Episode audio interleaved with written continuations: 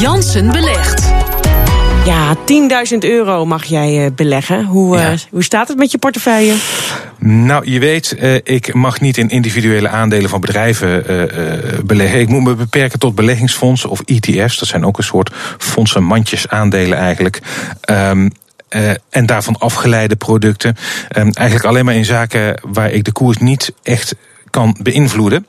Um, ik heb een ETF gekocht, zo'n tracker in de volksmond, uh, met 100 Europese topaandelen, uitgegeven door Think. En die staan uh, ten opzichte van het moment van de aanschaf nog wel licht in de min. Ai. Bij de, bij de aan, kort na de aanschaf uh, gingen ze in de plus. En sinds die tijd ja, sukkelt het een beetje net onder, het, uh, net onder de aanschafprijs. Eigenlijk een beetje vergelijkbaar met het beeld wat we in Europa zien. Die koersen, die indices, die blijven een beetje hangen. En dat zie ik eigenlijk ook terug, ja, eigenlijk gereflecteerd in die tracker die heeft eigenlijk om winst te maken eigenlijk een, een beetje positief sentiment nodig uh, op de beurzen.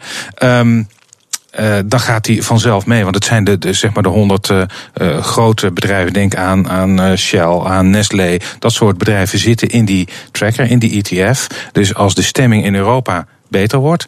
En ik hoop niet dat ik daarvoor uh, voor tot september hoef te wachten. Hè. maar je hebt, je hebt gewoon niet al je geld. Uh, nee, nee, nee, zeker. Nee, ten opzichte van de hele portefeuille is dat inderdaad. Uh, maar is het verwaarloosbaar. Um, ik heb vandaag wel een nieuwe aanschaf gedaan. En dat is in obligaties. Dat is ook niet echt een vuurwerk is. Dat is echt een, een defensieve zet. Dat beleg je maar dus je zou sowieso niet echt een enorme risicovolle belegger worden, toch? Nou, nee, dat klopt. Ik, moet, uh, ik wil met beleid beleggen. En de obligaties uh, die ik uh, ga kopen, want dat wordt één keer per dag worden die orders uitgevoerd. Dat is het NN, even kijken, het NN First Class Obligatiefonds. NN, dat is de verzekeraar Nationale Nederlanden. Die geven ook, hebben ook een aantal grote beleggingsfondsen uh, en ik heb dus dat obligatiefonds gekozen. En dat geld, dat fonds, verspreid, uh, investeert in staatsobligaties met name.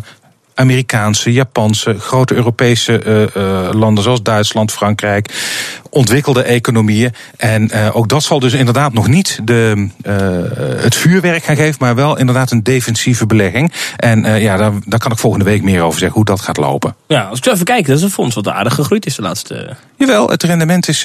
Dat komt omdat er onder andere ook uh, obligaties in zitten, zogenaamde asset-backed securities. Dus daar zitten echt, um, ja, hoe moet je dat zeggen? Daar zit een soort onderpand onder, even heel ja, simpel ja. gezegd. Dus dat, dat zijn wat zekerder beleggingen. Ze beleggen natuurlijk ook in uh, eerste klas, hè, first class obligaties. Dus uh, betrouwbare landen, betrouwbare bedrijven. Ze zitten ook in bedrijfsleningen. Uh, maar als je kijkt, zeg maar, de top 10 uh, obligaties waar ze in beleggen, dat is nummer 1 VS, nummer 2 uh, Japan. Dat zijn natuurlijk grote ja. landen die veel. Hey, je, je, zegt ik ga beleggen met beleid. Ja. Daarmee laat je de Bitcoin-hype schieten, want die schiet enorm omhoog. Nou ja, ik, ik, ik, ga zeker wel met een klein bedrag vuurwerk inbrengen in de portefeuille. En daar zou de Bitcoin natuurlijk prima in passen, want dat is een achtbaan. Uh, maar uh, dat kan ik niet. Ik heb een beleggersrekening waarmee ik alleen aandelen en dat soort producten kan kopen. Als je in een Bitcoin stapt, dan moet je daar uh, apart geld overmaken naar een wallet.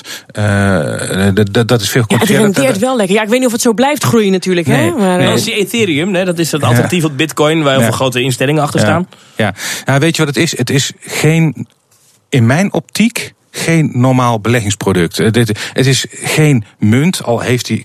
Het is een munt, een digitale munt. Ja. En je kan ermee betalen. Het is vooral een toevluchtsoord voor nou ja, mensen die iets te verbergen hebben. Uh, de technologie daarachter wordt wel omarmd door andere instellingen. Maar uh, de bitcoin.